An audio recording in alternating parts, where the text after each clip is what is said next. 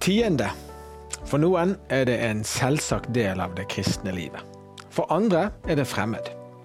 Og givertjeneste kan dessuten være ganske mangfoldig. Hva sier Guds ord om tiende, og hvilken fortolkning gjelder for oss? Og hvordan er det å leve i tro på at Gud skal forsørge oss, når vi lever i et overflodssamfunn og et velferdssamfunn? I kveld skal vi snakke om givertjeneste og høre fra tre interessante gjester. Bli med oss når vi tar samtalen.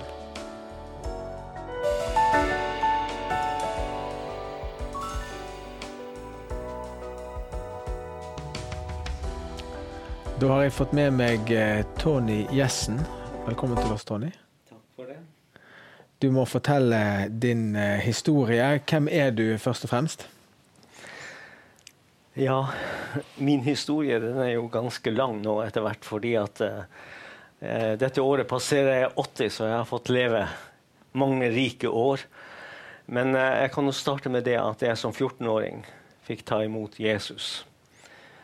Og det var en eh, veldig sterk opplevelse for meg, akkurat det. Ikke akkurat det øyeblikket jeg bøyde kne og ba min frelsesbønn, ikke efter noen andre, men fordi jeg følte det i mitt hjerte. Men på veien hjem fra det stedet hvor jeg var da jeg bøyde kne, så opplevde jeg noe fantastisk. Jeg opplevde eh, at Den hellige ånd talte med min ånd at jeg var Guds barn. Idet jeg så en stjerneklar himmel, og jeg så et nordlys som flamma over himmelen med flere farger, og det var måneskinn. Og da gikk det plutselig opp for meg. Jeg kjente det som en, en overbevisning i mitt indre fra det øyeblikket. Den Gud som har skapt alt det der, han er nå din far. Jeg får lov til å være sønn av Gud. Jeg får lov til å være et Guds barn. Og, og, det ble en visshet som har vært der hele tiden siden. En stor Gud, en Gud som har skapt alt. Han er min far. Og det betød at han hadde faderlig omsorg for meg. Og jeg var trygg i mitt forhold til Gud. Det førte deg ut i et liv i tjeneste. Fortell om din eh, karriere, om du vil. Ja, eh, den er nokså mangfoldig. Jeg, eh, allerede et års tid etter dette, jeg var jo bare 14 år da, men etter et år på folkehøyskole, 15 år, så var jeg med på misjonsbåten Ansgar på Finnmarkskysten. Og reiste fra sted til sted der. Sammen med kamerat. Vi sang sammen. Jeg spilte trekkspill, og han spilte gitar.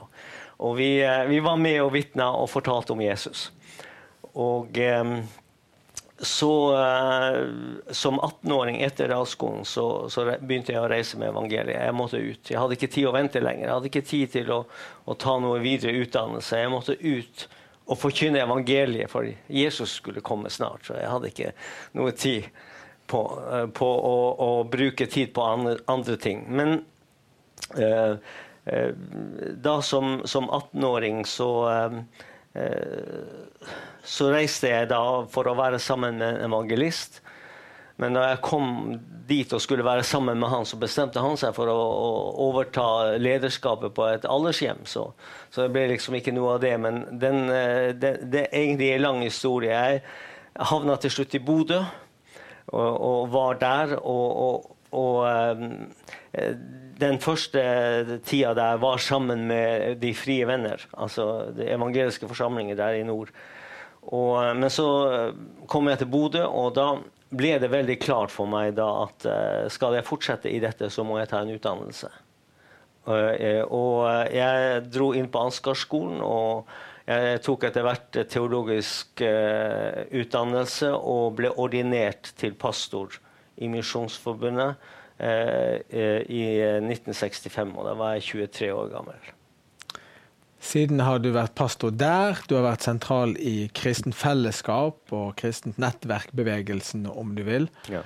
Eh, ganske tidlig så ble dette med å gi til Guds sak, eller det å, å, å med tiende, det ble veldig tydelig for deg. Fortell om det. Ja.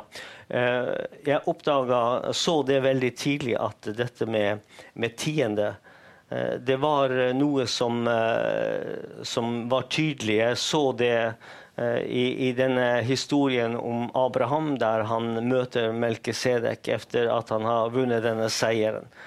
Og Da står det at eh, Melkesedek velsignet han og sa, 'Velsignet er Abraham av Gud den høyeste, han som brakte fram himmel og jord.'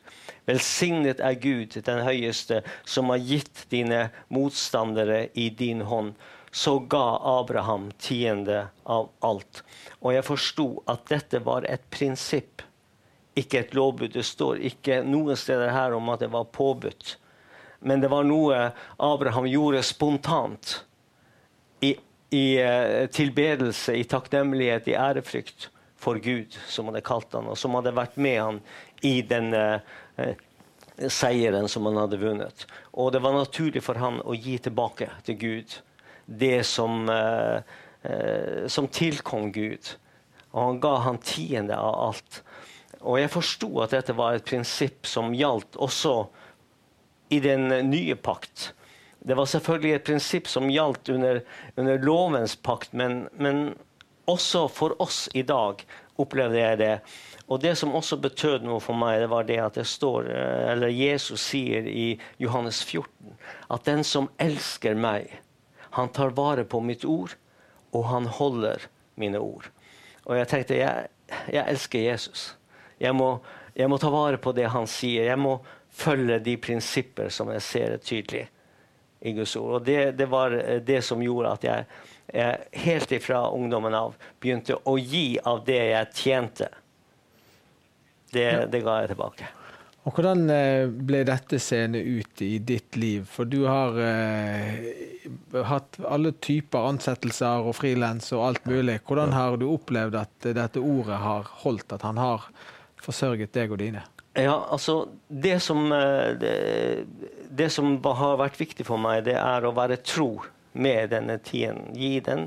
Eh, og, og jeg har eh, gitt den til menigheten som jeg har betjent. Og, og, og også i en periode da vi ikke hadde mye. Ikke visste hvor vi skulle ta pengene fra, egentlig. Men alltid tiden først. Det, det, var et viktig prinsipp. Og det, det følte vi har, har, egentlig opplevd hele tiden. At um, uh, Gud har velsigna oss og sørga for oss. Vi har ikke alltid hatt flust av penger, men vi har hatt nok. Og Gud har alltid sørga for oss. Og, og, jeg tenker spesielt på et tilfelle. Eh, etter at jeg hadde vært pastor i Bodø i tre år, så reiste jeg eh, for eh, søndagsskoleunion. Eh, og, og, det var av sted lang, lang tid. Og min kone var hjemme i Bodø, og vi hadde fått en liten gutt. Og, og hun gikk på lærerskolen. Og det var ikke mye penger å hente den gangen. Og hun var helt fri for penger. Hun visste ikke hvor hun skulle få penger til å, å kjøpe melk til den lille. Han var bare noen måneder gammel. Og uh, hun ba om at Jesus måtte sørge for henne. Da hun kom hjem, etter en skoledag. Eh, så så hun i postkassen, og der lå det en liten konvolutt. Og hun tok opp denne konvolutten og fant 30, eller tre tikronesedler, som det var den gangen. Og det var ganske mye penger. Eh, og, og, så lå det et brev fra en dame som vi knapt kjente. Men hun hadde opplevd at jeg hadde kommet til henne i drømme og presentert for henne to regninger, hver på 15 kroner. Og det var nok til at hun eh, gikk og leverte disse pengene i, i, i postkassen. Slik at min kone fikk det hun trengte akkurat der og da. Og Det er bare ett eksempel på mange slike erfaringer som vi har gjort opp gjennom tidene, hvor Gud har sørget for oss. Vi har aldri hatt bekymring for økonomien.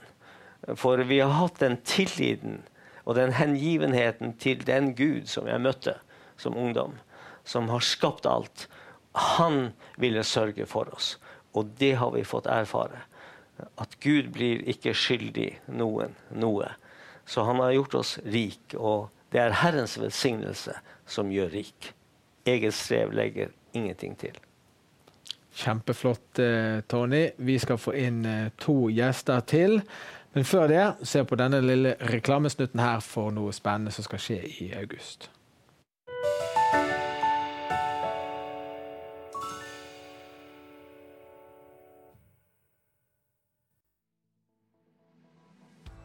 Det er en stor glede å kunne ønske deg velkommen til et nytt Oslo symposium, det syvende i rekken. Datoene er 18. og 19. august i år. Og når vi startet med Oslo symposium i 2011, så drømte vi om at dette skulle bli noe varig, skulle bety mye for folk i den kristne bevegelsen. I dag kan vi glede oss over at Oslo Symposium er blitt den viktigste arenaen for kristne som vil at vi skal ha en stemme inn i samfunnet. Og så er det blitt en folkefest der vi kommer sammen fra hele landet i hovedstaden. Du er velkommen til Oslo 18. og 19. august til to inspirerende dager. Sammen med landets fremste politikere, kristne ledere og kristne samfunnsdebattanter. Vi trenger hverandre for å løfte hverandre opp i denne tiden. Og når vi kommer sammen på Oslo Symposium, så er det det som skjer. Vi løfter hverandre opp i troen på at Norge fortsatt skal være et kristent land med korset i flagget, som velsigner Israel, som tar vare på de ufødte barna, som sier ja til frihet for kristne skoler menigheter og organisasjoner og som verdsetter vår tusenårige kristne arv. Det beste vi kan gi videre til neste generasjon. Du kan tro vi gleder oss til Oslo Symposium 2023, og håper å være sammen med deg der. Sett av datoene 18. og 19. august. Vi ses i Oslo.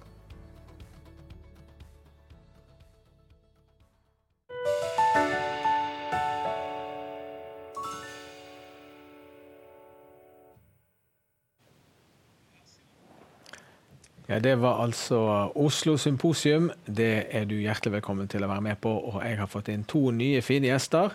Rebekka Diem, velkommen til deg. Tusen takk. Og Olav Rønhovde, velkommen til deg. Takk for det. Vi begynner med deg. Du er pastor her i Kredokirken. Skulle ikke trenge noen ytterligere eh, presentasjon. Eh, du kommer fra en eh, sammenheng der dette med å gi har vært nokså sentral del av teologien. Hva er din tilnærming til det som Tony snakker om, og det som er dagens tema? Nei, altså, jeg, er jo vokst opp med det eh, ifra jeg eh, vokste opp i pinsemenighetssammenheng der. Så da var det jo sånn at det å gi, det var helt naturlig. Det var en del av oppveksten min.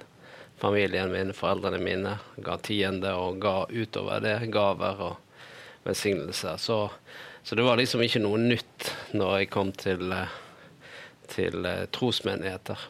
Det var bare en kanskje en Til å begynne med så gjorde en det kanskje mer av plikt eller lydighet, og kanskje uten så mye innsikt.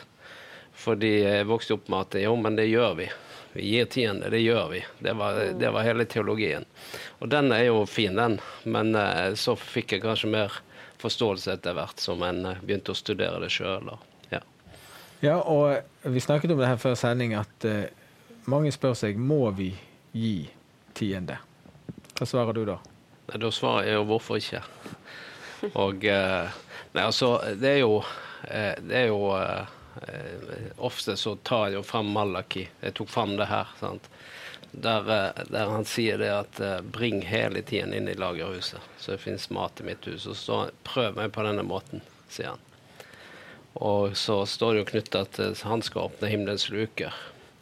Og så er det en del som sier jeg har ikke sett disse lukene åpne seg. Men, eh, men, det er jo på en måte at eh, det å, om det er noe en må, så tenker jeg at det er en lydighetshandling. Fordi Guds ord snakker om det å gi. Snakker om forskjellig tilnærming om det å gi. Men så, hvis du da snur på det, så er mitt spørsmål hvorfor er det så vanskelig å gi til Gud? Han som gav alt mm. for Han ga sitt eget liv.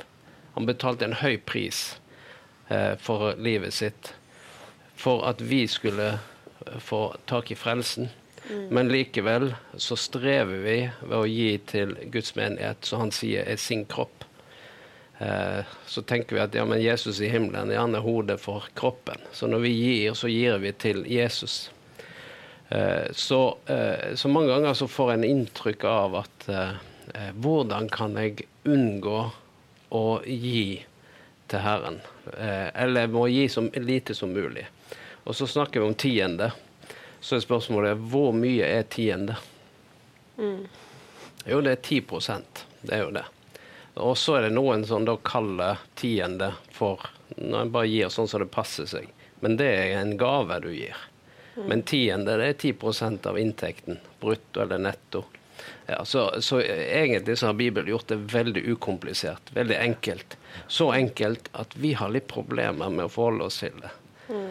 Eh, og eh, ofte er det jo sånn at grunnen til at vi ikke klarer å gi, er kanskje fordi at vi har problemer med eh, å stole på Gud, overgi oss til Gud, eller tenke at penger er en del av noe som har med Gud å gjøre. Eh, men Bibelen snakker mye om penger, og det vil vi nok få høre litt mer om i samtale i dag. Ja. Mm. Rebekka, eh, du er småbarnsmamma. Eh, du er egentlig svensk, er det så? Ja. ja. Stemmer. Eh, jobber i barnevernstjenesten og er i denne sammenheng en helt vanlig menighetsaktiv person. Mm. Du har også gått en reise, du og mannen din, når det gjelder dette med tiende tiendedød. Fortell. Ja, altså vi begge to har jo vokst opp i frikirke. Jeg har selv vokst opp i pinse. Eh, og litt som eh, du forteller, ordet av det her Ja, men vi gir tiende. Det, det, gjør vi bare.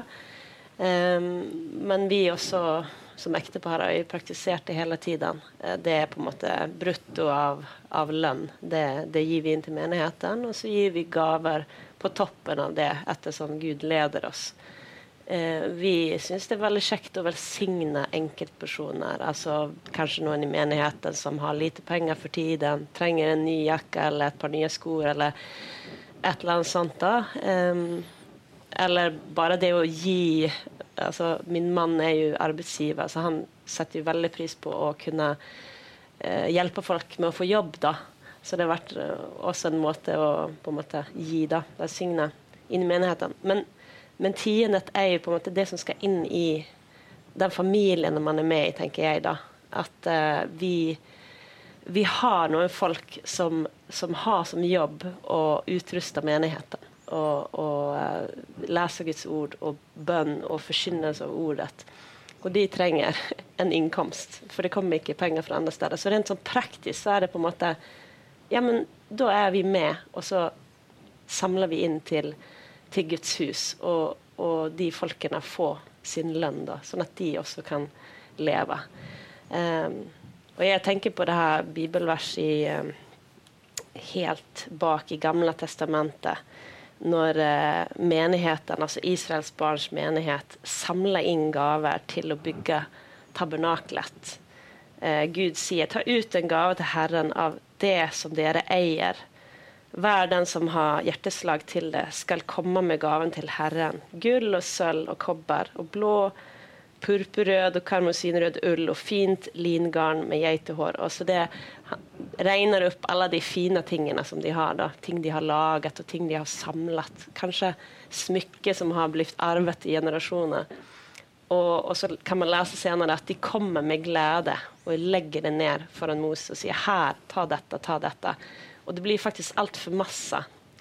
Eh, så de, de, har fått inn mer enn hva de trenger for å bygge tabernaklet. Jeg tenker Det er en sånn, sånn, holdning vi skal ha som Guds menighet. At vi ønsker å være med og bygge Guds menighet. Og vi ønsker å Det er naturlig for oss da, eh, å gi, tenker jeg.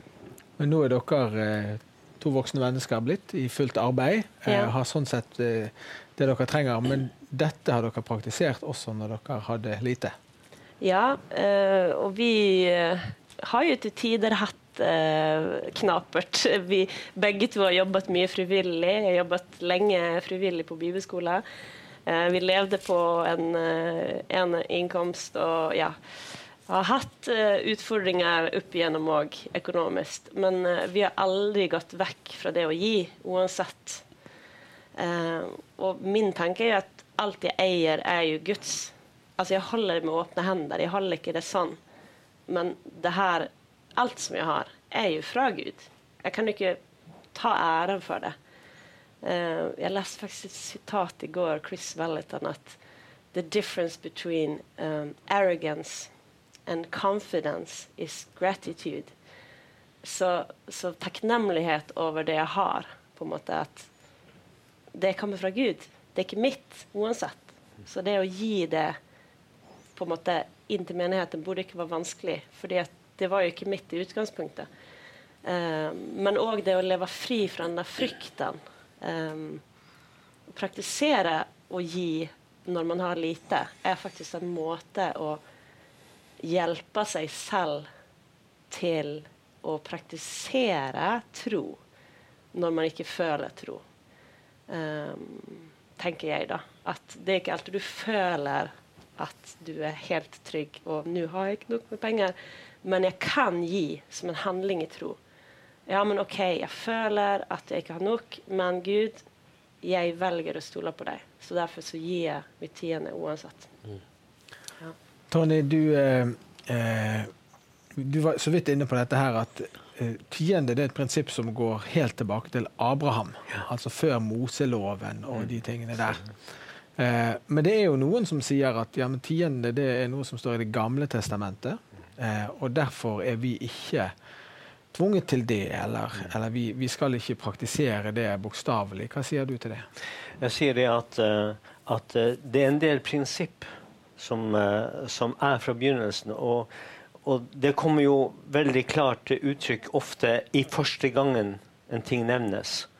Sånn som dette tilfellet med Abraham og, og Melkesedek. Det er noe ved, den, ved det som skjer der, som jeg mener gjelder for, for, alle faser, i alle tider, i alle eh, paktsinngåelser. Eh, loven, eh, altså Moseloven, den var jo en spesiell pakt med Israels folk. Det, det, er riktig. Og den opphørte, står det, når Jesus kom. Han var lovens ende. Men, men, de prinsippene som, som, lå der fra begynnelsen av, de følger med hele veien. Så de gjelder også, mener jeg, Eh, for, for, oss som lever i den nye pakt, der Jesus er eh, den ypperste presten, som Melkesedek representerte, og som vi får utlagt i hebreerbrevet. Eh, og, og, der er det tydelig at, at vi gir til Han av det Han har gitt oss. Eh, det er forskjellige uttrykk for dette med givertjenesten i, i Det nye testamentet. Eh, apostlenes gjerninger snakker jo bare om å gi alt. De solgte alt det de eide, og ga det mm, mm. til apostlene. Eh, og så har du forskjellige varianter. Også i Korinterbrevet andre kor 8 og 9 snakker om givertjeneste, som jo var en spesiell situasjon der, der, Paulus hadde satt i gang en innsamling eh, for de fattige eh, jødene i Jerusalem. Og, og I den sammenhengen så er det utrolig mye flott som sies om givertjenesten. Der det er snakk om, om ikke å så sparsomt, for da vil du høste eh, sparsomt, altså, og så videre. Så, og at Gud har gjort oss rik på alle ting, slik at vi har nok å gi til andre. Og at det er en velsignelse å gi. Det er, det er, faktisk en større glede i å være med å gi enn å få. Så det, det hører med til livet i Guds velsignelse, dette å, å, få lov til å være med å gi. Og som uh, også Rebekka sa, at, at, denne gleden å kunne være med og, og, og velsigne noen som ikke har noe. Som, som uh, den, den gleden er faktisk større enn en det å, å eh, sjøl få noe. Det å kunne være med og gi til andre. Kan jeg kommentere? Ja. Bare tenke at Det ligger på en måte så naturlig oss mennesker. Man kan se det i små barn. Ja. Eh, det her med å gi det er liksom Gud har skapt. Det er jo fordi ja. at han er en som gir. Ja. Han, er, han, har spredd rundt omkring. Han har skapt milliarder stjerner. Han har putta tusenvis av blader på trærne. Så, så, det å være en som gir, er på en måte å være i sitt rette vesen, tenker jeg. i sin sånn som Gud har skapt oss til å være. Vi er givere fordi Han er det. Ja. Ja. Rent praktisk, eh, Olav, du begynte med det som er et nøkkelvers for å forstå tiende, i hvert fall sånn det praktiseres. Eh, dette som står i Malakias 3, eh, om å bære hele tienden inn i forrådshuset. Ja. Et praktisk spørsmål. Betyr det at vi, sånn som du leser Bibelen, skal, at forrådshuset det er menigheten vi går i? Eh, eller er det generelt Guds rike? For noen tenker jo det at de gir tiende til menigheten og ikke noe annet. Eller de gir tiende til menigheten, og så gir de andre ting utover det til andre gode formål. Misjonsorganisasjoner, TV-arbeid, hva det skulle være. Eller noen tenker at summen av det jeg gir, er tienden, og det skal gå til alle gode formål. Hvordan leser du det verset? Ja, altså, Jeg vil vel heller si hvordan jeg praktiserer det verset sjøl. Det er jo at jeg skiller på det å gi tiende, som jeg bringer inn i forhushuset, som er menigheten. Og det, i, den, I din sammenheng så er det Krevdokirken der ja, du går. Ja. Og så gir jeg andre gaver eh, til andre plasser. Jeg deler det ofte i tre. Jeg. Gaver og offer. Mm. Fordi at noen ganger så er det sånn at eh, faktisk Gud utfordrer deg til å gi noe ekstraordinært utover tryggheten din. Mm. Og da, du, da, må du på en måte, da er det at Gud på en måte utfordrer lydigheten din. Tør du stole på meg? Mm. Og egentlig hele prinsippet om tiende, det handler egentlig Og Jesus sier på en annen måte, han sier du kan ikke ha to herrer, sier han. Mm. Enten Gud eller mammon. Mm. Og, så, og, så, setter han de opp imot hverandre. Og det er jo det på en måte vi ser i samfunnet. Eh, det er jo at eh, Mammon vil gjerne ta Gud sin plass. Han vil si at eh, 'jeg tar hånd om deg', du kan stole på meg. Mm. Eh, du, du, du, er ut, med meg er du uten bekymring. Så derfor må du ta og sette meg først. Du mm. ser det i Matteus 6. Og så I slutten der så sier Jesus at uh, du må søke mitt rike først. Og så sier han det at du, bekymring Du skal ikke bekymre deg. Mm. Så egentlig er det det vi ser, at når vi ikke ønsker å gi, så er mer spørsmålet er det fordi at mammon har tatt Guds plass, mm. hvor han kommer sist og ikke først. Altså vi har snudd alt på hodet. Hvis det er noe til overst, ja, da skal jeg gi til gode formål, f.eks. For Mm. Så, eh, så, jeg tror på en måte at i dette med tienden så utfordrer det oss mm. virkelig i grunntonen av eh, Stoler vi på Gud? Ja. Mm. Eller vil min trygghet være en annen plass? Jeg husker eh, når jeg sjøl lærte meg dette, så var det en spesiell situasjon. Eh, det var, Jeg gikk på bibelskolen og opplevde at Herren var veldig på og skulle trene meg på å stole på Han. Og så var jeg hjem til Voss. da til foreldrene mine. Og når jeg kom dit, så hadde jeg 50 kroner. Så jeg visste jo at jeg kom ikke tilbake til Sverige på 50 kroner, selv ikke på 80-tallet. Men eh, så, så, fikk jeg 500 kroner av en dame i menigheten mens jeg var der, og så tenkte jeg da kommer jeg i hvert fall til Oslo. Så jeg sier til far min kan du kjøre meg til stasjonen, jeg må kjøpe togbillett, sier jeg. Og hele veien på den bibelturen, nei, på den bilturen ned til stasjonen, så var det denne tanken si bare et ord så får du forsørgning. Mm. Men så var det en annen røst som sa at ja, er det meg eller er det dine foreldre som er din forsørger? Altså hvem mm. er det som er din forsørger? Hva som Herren utfordrer meg virkelig. Mm. Og eh, så når jeg da kom ned til jernbanestasjonen og var på vei og skulle kjøpe billett, så uh, fikk jeg denne tanken eh, Ta ring til, til, den og den. Så da ringte jeg til en som, var på, som vanligvis var på Voss, som jeg ikke hadde truffet. da. Så da eh, stakk jeg. Ja, nei, jeg skal til Oslo i morgen. Du kan sitte på med meg.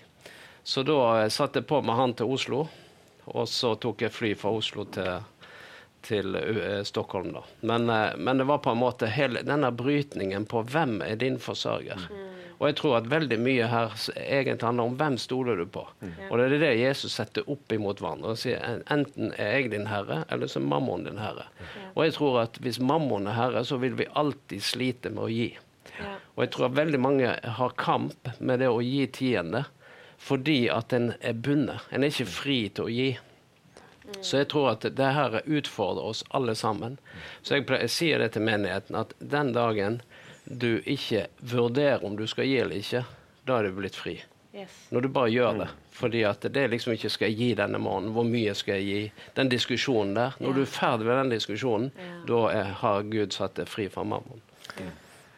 Når vi kommer tilbake, Tony, så skal jeg stille deg et veldig konkret spørsmål. Skal vi gi tiende av brutto eller netto lønn? Eh, men eh, før vi får høre svaret på det fra Tony Jessen, så får du noe spennende her som vi vil at du skal være med på. Se på dette.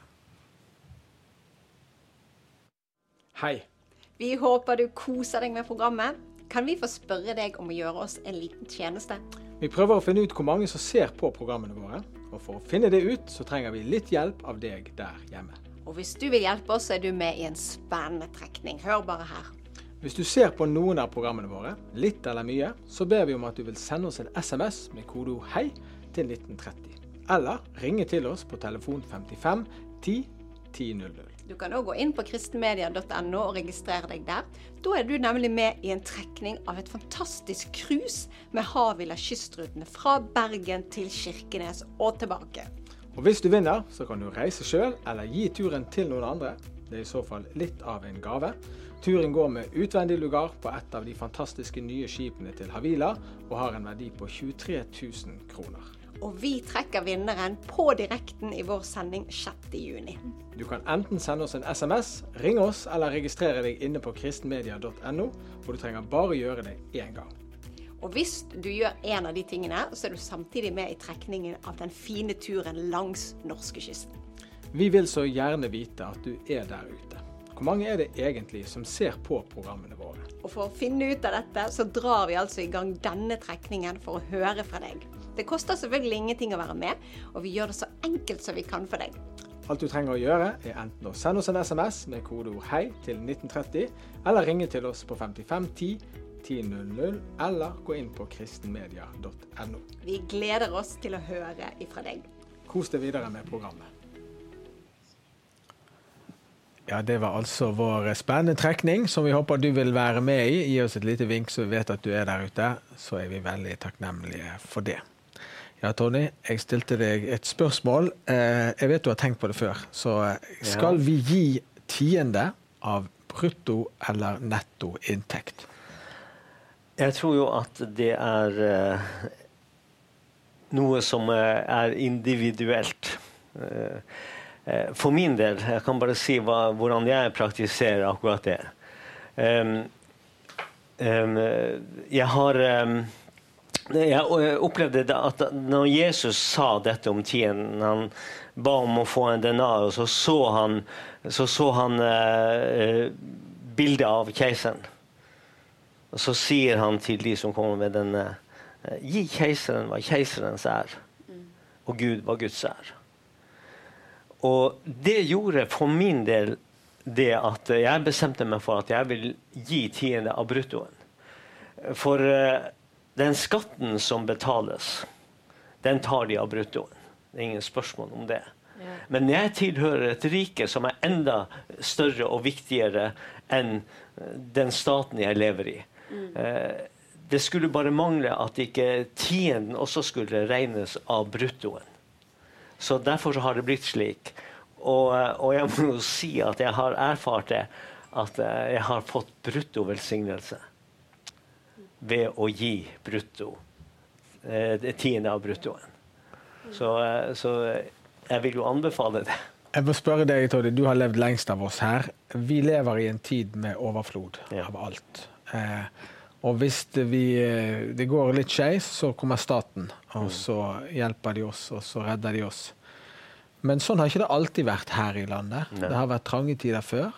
Og, og, hvis det sitter noen her nå fra et fattig land i verden og ser på samtalen, eh, så kan noe av det vi snakker om oppfattes helt obskurt for dem, fordi at de har ikke mat til i morgen mm. eller til barna sine. Eh, hva perspektiv eh, Eh, skal vi ha på det at vi egentlig lever i en liten boble både i verdenshistorien og i verden, der vi har rikelig eh, tilsynelatende. Guds prinsipper skulle jo gjelde for alle. Det gjør de, men det er klart, de som lever på fattigdomsgrensen, hva har de å gi tiende av? De er jo, eh, jeg mener de, de er fattige, de har ikke noe det er likevel et eksempel i Bibelen der hvor Jesus sitter ved, ved tempelkisten og ser på alle de som gir. Så kommer det enke. Og hun gir det hun har. Kanskje fordi hun hadde tro til at Gud skulle velsigne henne. Men i alle fall sier Jesus hun ga mer enn alle de andre. Og da, eh, da tenker jeg at, eh, at når vi gir så er det ikke spørsmålet om hvor mye vi har gitt, men hvor mye vi har igjen når vi har gitt. Det er et perspektiv i dette. Og så er det en annen side ved dette her som jeg, som jeg syns er interessant, nemlig i det Paulus sier. Eh, han har prøvd alt. Han har prøvd det å ha lite. Han har prøvd å ha det trangt. Han har prøvd å ha et overflod. Det er slik livet kan arte seg. Men han sier 'jeg formår alt i Han som gjør meg sterk. Så også da er det et spørsmål om tro og tillit til Gud. Så, så det, det, er vel ingen krav til noen, i alle fall ikke når man er fattig, at man skal gi så og så mye. Men allikevel så ser man at, at, det er noe i dette, i tro, å gi det lille man kan, selv når man er fattig. Og tro at Gud skal velsigne. Ja, vi, jeg, jeg har jo reist rundt omkring i, i fattige områder og, og, ser jo på en måte at uh, prinsippene er jo de samme. altså Guds ord virker ja. overalt. Ja. Disse Guds ords prinsipper de virker overalt, om du er rik eller fattig. Og jeg har nesten inntrykk av at det er ikke de fattige som har problemer med å gi, Nei. det er de rike. Helt sant. Det er de som har problemer med tienden. Mm. Fordi at de tenker da gir vi så mye, tenker de. Men 10% er 10% om du tjener 10 000 kroner eller 100 millioner så er det 10% Så det er et veldig rettferdig system. Ja, det er 10 for alle, ja. overalt i hele verden. Ja. Og så er det dette med loven om å så og høste, som egentlig mm. står der i Korinterbrevet. Så er det jo det at uh, Da er spørsmålet er det sånn at det, det, det fungerer å, å så mais eller hvete i Norge, men ikke i India. Jo, det er akkurat samme prinsippet. Det virker helt likt. Det er det at hvis du har noen såkorn i jorden, så vil det spire og gro. Og så får du en høst. Mm. Men det er det, da må du ha noen såkorn der. Og hvis du ikke sår, så vil du heller ikke høste. og Det er det Paulus egentlig sier noe om. Ja. Og det er jo det som òg handler om tiden. Altså Hvis ja. ikke vi gir, men forventer at Gud skal velsigne også økonomien vår Han velsigner oss, for vi er jo velsigna ja. fra Herren, hans godhet. Men det er noe med prinsippet om å komme inn i Guds eh, Altså overgi økonomien sin til Gud. Så ja, så er det så jeg tror det virker overalt. Ja, det gjør det. Og jeg hørte, jeg hørte en som hadde vært nede i, i, et land i Afrika hvor det var mye fattigdom. Og han hadde fått det på sitt hjerte at han skulle forkynne om dette. Mm. Og han kvia seg så for å snakke om dette med tiden til disse som var så fattige. Og han nevnte det for en av disse uh, som sa og for all del, du må fortelle oss om dette. Du må vise oss hva som kan gjøre at Guds velsignelse kan nå oss. Mm. De ville høre om det. Ja. De var ikke redd for å høre om at de skulle gi. Jeg skal slynge ut nok et praktisk spørsmål til deg, Tony. Det blir ditt tunge lodd i dag, siden du har mest livserfaring. Hvis man, for, for, Jeg opplever sånn at vi fire som er her, vi går i en menighet. Vi vet hvor den menigheten er, og vi gir tiden til den menigheten. Hvis man ikke går i en menighet, man tror på Gud, bor på et sted der det kanskje ikke er en forsamling, eller man er i en posisjon der man eh, ja, av en eller annen grunn ikke tilhører en lokal menighet. Hva skal man tenke da om tiende? Jeg vil si at uh, for det første så er det jo altså noen, uh, For noen er det jo en praktisk situasjon. men sånn som situasjonen er nå for mange, så får de mat, altså åndelig mat, fra et eller annet hold. Du kan ikke leve som en kristen helt alene, isolert i en egen liten boble. Du må ha en relasjon, du må ha forhold til noen. Og, og da tenker jeg at eh, noe av prinsippet som jeg ser i, eh, i, forbindelse med den første gangen det er nevnt, at eh, Melkesedek kommer til Abraham med eh, brød og vin. Han gir ham mat. Og han velsigner han. Mm. Og han eh, gjør, viser han at eh, Gud er stor og er kilden til alle ting. Jeg tror enhver kristen må ha en sånn, et sånt input, en sånn kilde i livet sitt. Og, og jeg tenker at de som måtte leve alene, altså isolert fra andre, men har noe, noen de kan eh, få dette fra, så kan de være med å gi tiende inn i det. Og jeg tenker da spesifikt på, på eh, de som ser på Visjon Norge og Kanal 10 og alle disse kristne kanalene. Og det er deres eh, menighet, på en måte. De lever der. Og det vil jo være helt naturlig at de eventuelt ga sin del av tiden inn til det arbeidet. Der de får mat, der de får del i Guds velsignelse. Jeg hekta på bedehuskanalen, jeg. Eh, ja. Siden vi er der også. Ikke sant? Og ikke minst ja. Eh, kristen radio. Ja. Eh, Rebekka, vi snakket litt om det der med disse sperrene som vi har inni oss fra å gi. Og en av de kan være frykt. Mm. du har eh, gjort noen erfaringer på dette. Ja, jeg tenkte litt på det som du snakket om, Olav. Det her med mammon. og Jesus snakker om mammon. Og det er veldig interessant, fordi at når han snakker om mammon, så sier han ingen kan tjene to herrer. Enten vil han hate den ene og elske den andre, eller så vil han holde seg til den ene og forakte den andre. Derfor, sier jeg dere, så rett etterpå, så begynner han å snakke om dette å bekymre seg for å ikke ha nok. Ikke bekymre dere for hva dere skal ha på dere, hva dere skal spise og drikke. Så mammon blir koblet med den kjærligheten til penger blir koblet til den bekymringen, den frykten. Eh, og det her er noe som Gud har jobbet med meg i mange år, faktisk. Og har liksom søkt Gud for gjennombrudd på dette. Jeg vil ikke bli redd når vi ikke har hatt nok. Vi har hatt eh, ups and downs i vår økonomi, og noen ganger så har jeg nesten ristet av frykt. Eller sånn Hvordan skal det gå? Hvordan skal dette løse seg? Eh, men en opplevelse meg og Jørgen vi bad for økonomien vår. Um, vi følte at vi skulle gjøre det. Uh, og så så jeg på en måte et bilde som en, en mørk hånd faktisk som holdt over livet vårt. Eller økonomien vår. Og så sa jeg jeg tror vi må befale den hånden å gå vekk. Jeg, føl, jeg følte at Helligånd ledet oss til det. Uh, men jeg visste ikke helt hva det var. Og så, og så når vi bad videre, så, så kjente min mann på at ja, det er mammon.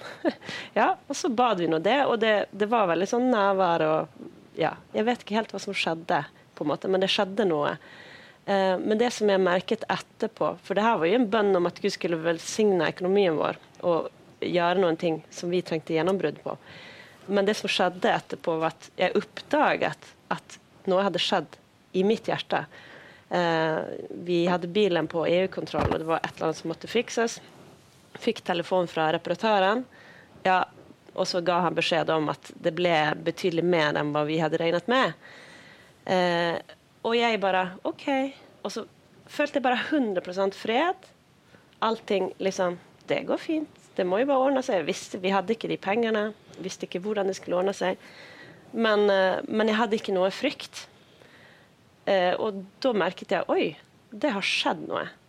Fordi at I vanlige fall ville jeg ha begynt å tenke ja, men hvordan skal vi løse det, hvordan skal det gå? Uh, og etter det så har jeg opplevd total frihet fra den bekymringen. da. Um, og bare en åpenbaring om at Gud er en god pappa. Han, er, han, passer på oss. Han har forsørget oss. Han har jo alltid gjort det. Han er trofast og god. Um, og jeg tenker at givende uh, Det er så mye lettere når man er fri, når hjertet er fritt. Jeg har praktisert å gi alltid. Men det er mye lettere det er lettere når, når man har frihet på det området. da. Olav, du kommer fra trosbevegelsen. Eh, det har vært en sesong av oppgjør med ting som har vært i den bevegelsens unge år. Eh, jeg husker da vi var, jobbet med Avisen Norge i dag, der jeg var ansatt i mange år, så hadde vi bibelskoleelever fra eh, Levende Ord den gangen som kom og skulle være telefonselgere hos oss. Eh, og, og, noen av de, de hadde gitt vekk hele studielånet sitt i tro eh, i begynnelsen av september. Og så kom de til oss fordi de trengte mat, for vi hadde mat på, eh, på servering på, på, salgskveldene våre. Eh, og ikke vet jeg hvordan det gikk med de, og jeg skal ikke sette meg over den vurderingen som de gjorde, men det er noen fallgruver også her. Vi har et minutt her før vi skal, skal, eh, skal få en andakt. Eh, hva er fallgruvene med det å, å, å gi for mye i gåseøyne? Nei, eh, det er jo på en måte at eh, vi har et forvalteransvar over den økonomien vi har. Og det er jo noen som da tenker at hvis jeg bare gir bort alt jeg har, så skal Gud velsigne meg. Men da er egentlig eh, det er ønsketenkning mer enn en troshandling mange ganger. Fordi at en tenker at da altså, Men jeg tror at vi skal forvalte økonomien vår, og da er det sånn at vi tilpasser økonomien slik at vi òg kan gi. Og så er det bestemte situasjoner hvor en faktisk blir utfordra på å gi mer enn det en er i stand til. Men, eh, men jeg ser jo på en måte at eh, noen ganger så er jo eh, spørsmålet om du blir manipulert til å gi, om du gir av egen overbevisning, eller og så kaller du det tro, men du gir i håp om at det skal skje noen ting. -hmm. Og jeg tror at veldig mange har gitt i håp om at det skal skje noen ting, og ikke ut fra en indre overbevisning. Mm. Eh, og, eh, og, det er jo der jeg tror at eh, vi skal jobbe på en måte med at når vi gir, så gir, gir vi det ikke fordi noen andre sier det, men fordi jeg har min egen overbevisning. Så Derfor så begynner kanskje givertjenesten i lydighet, og så kommer det inn i en overbevisning etter hvert. Ja. Og jeg tror at begge ting er, er godt. Så, eh, men vi skal forvalte, for jeg har òg vært borti de samme som har gitt veldig mye, men ikke heller har styr på økonomien sin. Eh, og eh, vi har et forvalteransvar vi, eh, til å disponere det vi har fått, på en god måte. Det var kloke og vise ord fra deg, Olav. Nå får vi en andakt av en av dine kollegaer, pastor her i Bergen, Benjamin Jensen. Hør her.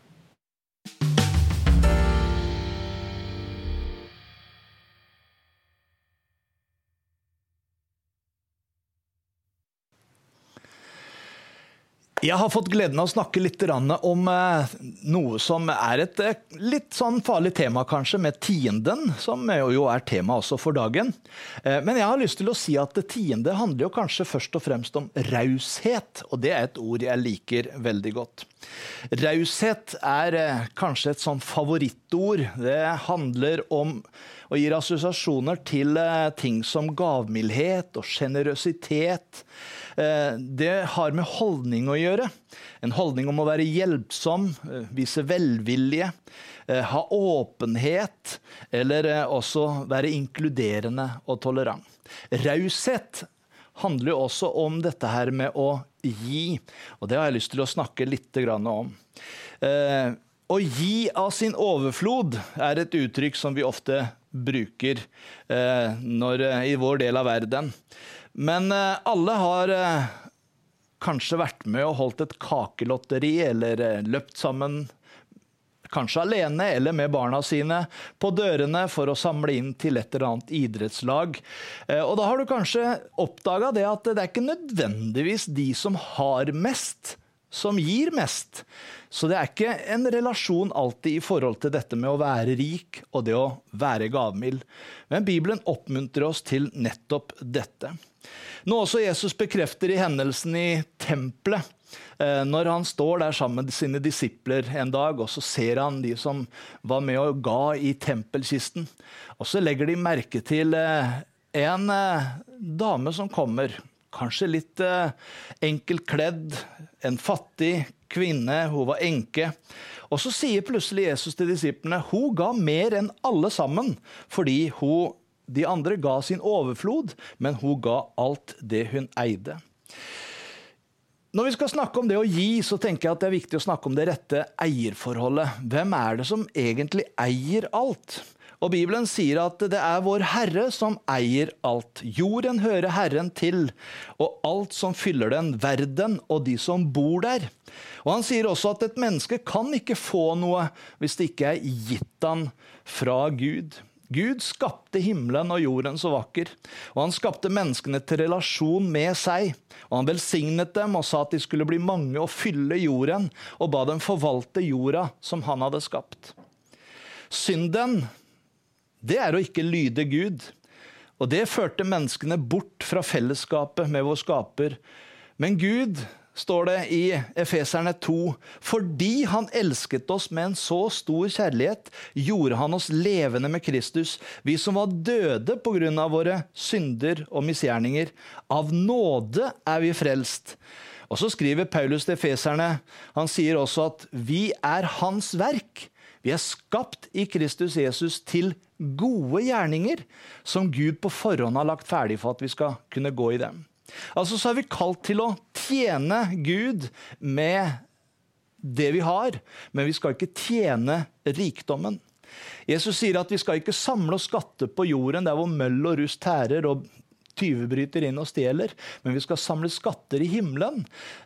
Jeg tenker at det har noe med at vi bygger noe for andre og gjør noe for andre, sånn som også Jesus ba oss å gjøre. Å elske Gud og elske vår neste. Og Så sier han i slutten av bergprekenen når han snakker om dette, om å ikke samle til seg sjøl, for der hvor skatten din er, der vil også hjertet ditt være. Og jeg tenker at eh, vi gjør dårlig i å la skatten vår være eiendelene våre. Det skal være Gud, det skal være mennesker, og det skal være å hjelpe noen andre. Det finnes noen gode vaner som eh, Gud har lagt eh, der for at vi skal kunne leve etter det. og En av dem er tienden. Og Den ber oss om å bringe tienden inn i Guds hus for at det skal være mat i ditt hus, og på den måten kunne hjelpe andre. En historie som har beveget meg i forhold til det, er historien om William Colgate. En ung eh, gutt på ca. 19 år som reiste fra England til USA, for det var under borgerkrigen. Og William var interessert i å lage såpe. Eh, han eh, forsøkte seg som det ganske tidlig. Det gikk litt dårlig, men så kom han i kontakt med andre. Eh, og noe som hjalp han veldig, var noen ord fra Bibelen, og noen ord som en venn hadde sagt han. Han leste i, første Mosebok 28 om Jakob, der han sier så ga Jakob dette løftet. Om Gud er med meg og bevarer meg på veien der jeg går, om han gir meg brød å spise og klær å ha på meg og lar meg vende tilbake til farshuset i fred, fred. Da skal Herren være min Gud, og alt, av alt du gir, skal jeg gi deg tiende. Dette ble sagt lenge før loven, eh, Moseloven, ble gitt om tiende. Eh, William ba denne bønnen, og han ba Gud om å hjelpe ham.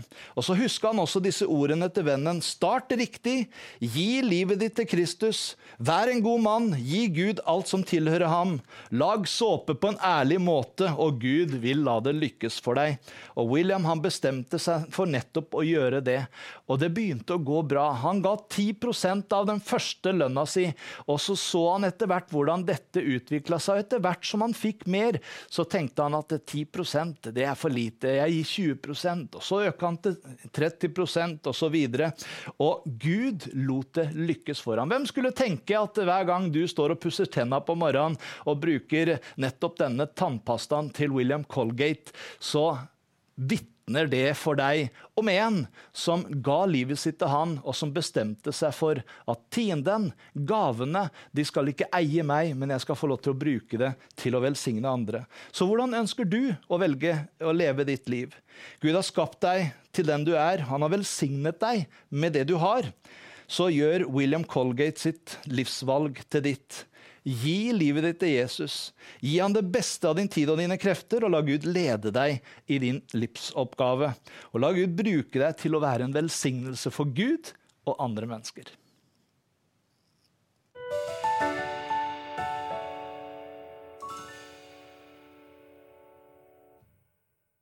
Ja, tusen takk til Benjamin Jensen for et godt ord til oss i kveld, og takk til våre praktfulle gjester Olav Rønhovde, Rebekka Diem og Tony Jessen. Håper denne samtalen kan starte noen gode samtaler i ditt liv. Eh, det er det vi ønsker, at dette skal være praktisk og nyttig for deg, sånn at du kan finne eh, ut av disse tingene på egen hånd og sammen med Herren. Eh, det er noen som tenker at du skal gi for å få. Eller gi for å bli rik. Eller gi for å bli frisk osv. Men Bibelen eh, snakker om at vi skal vise Herren ære med gaver av vårt Guds gods og førstegrøden av hele vår avling. Det handler om takknemlighet, det handler om å ære Gud. Et annet ord så står det at enhver må gi slik han setter seg fore i sitt hjerte, ikke ved ulyst eller tvang. For Gud elsker en glad giver. Jeg håper du er en glad giver. Og hvis ikke du er det, at du bruker Guds ord og leser det det har å fortelle deg om dette henter inspirasjon fra de som har delt fra sitt liv i kveld. Eh, og så kan du også være en glad giver. Eh, det er godt for deg, det er godt for Guds rike, det er godt for alle de som driver menighet og kristent arbeid, og som trenger at vi som tror, eh, tar disse ordene på alvor. Det er en del av Guds økologi for å få Hans rike til å fungere og gå frem i dette landet vårt. Du har mye å være takknemlig for. Han har velsignet deg, og jeg håper dette kan være noe som kan føre til at du Eh, finne ut av dette på en enda sterkere måte. Vi er tilbake inn på tirsdag med Live med venner. Inntil da, på gjensyn.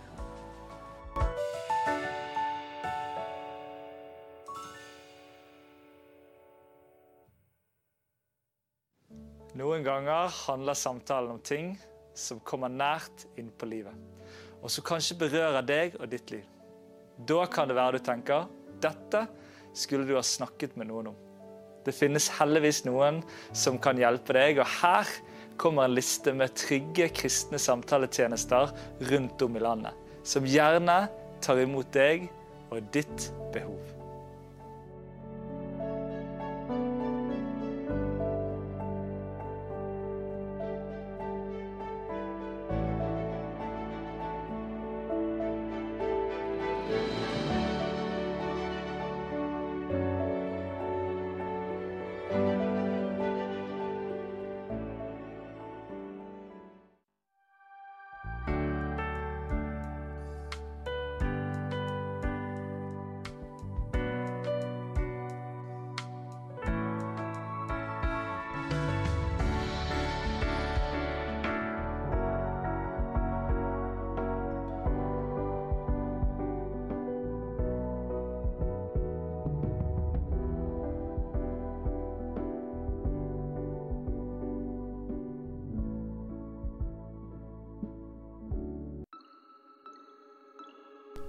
Ser du på Live med venner?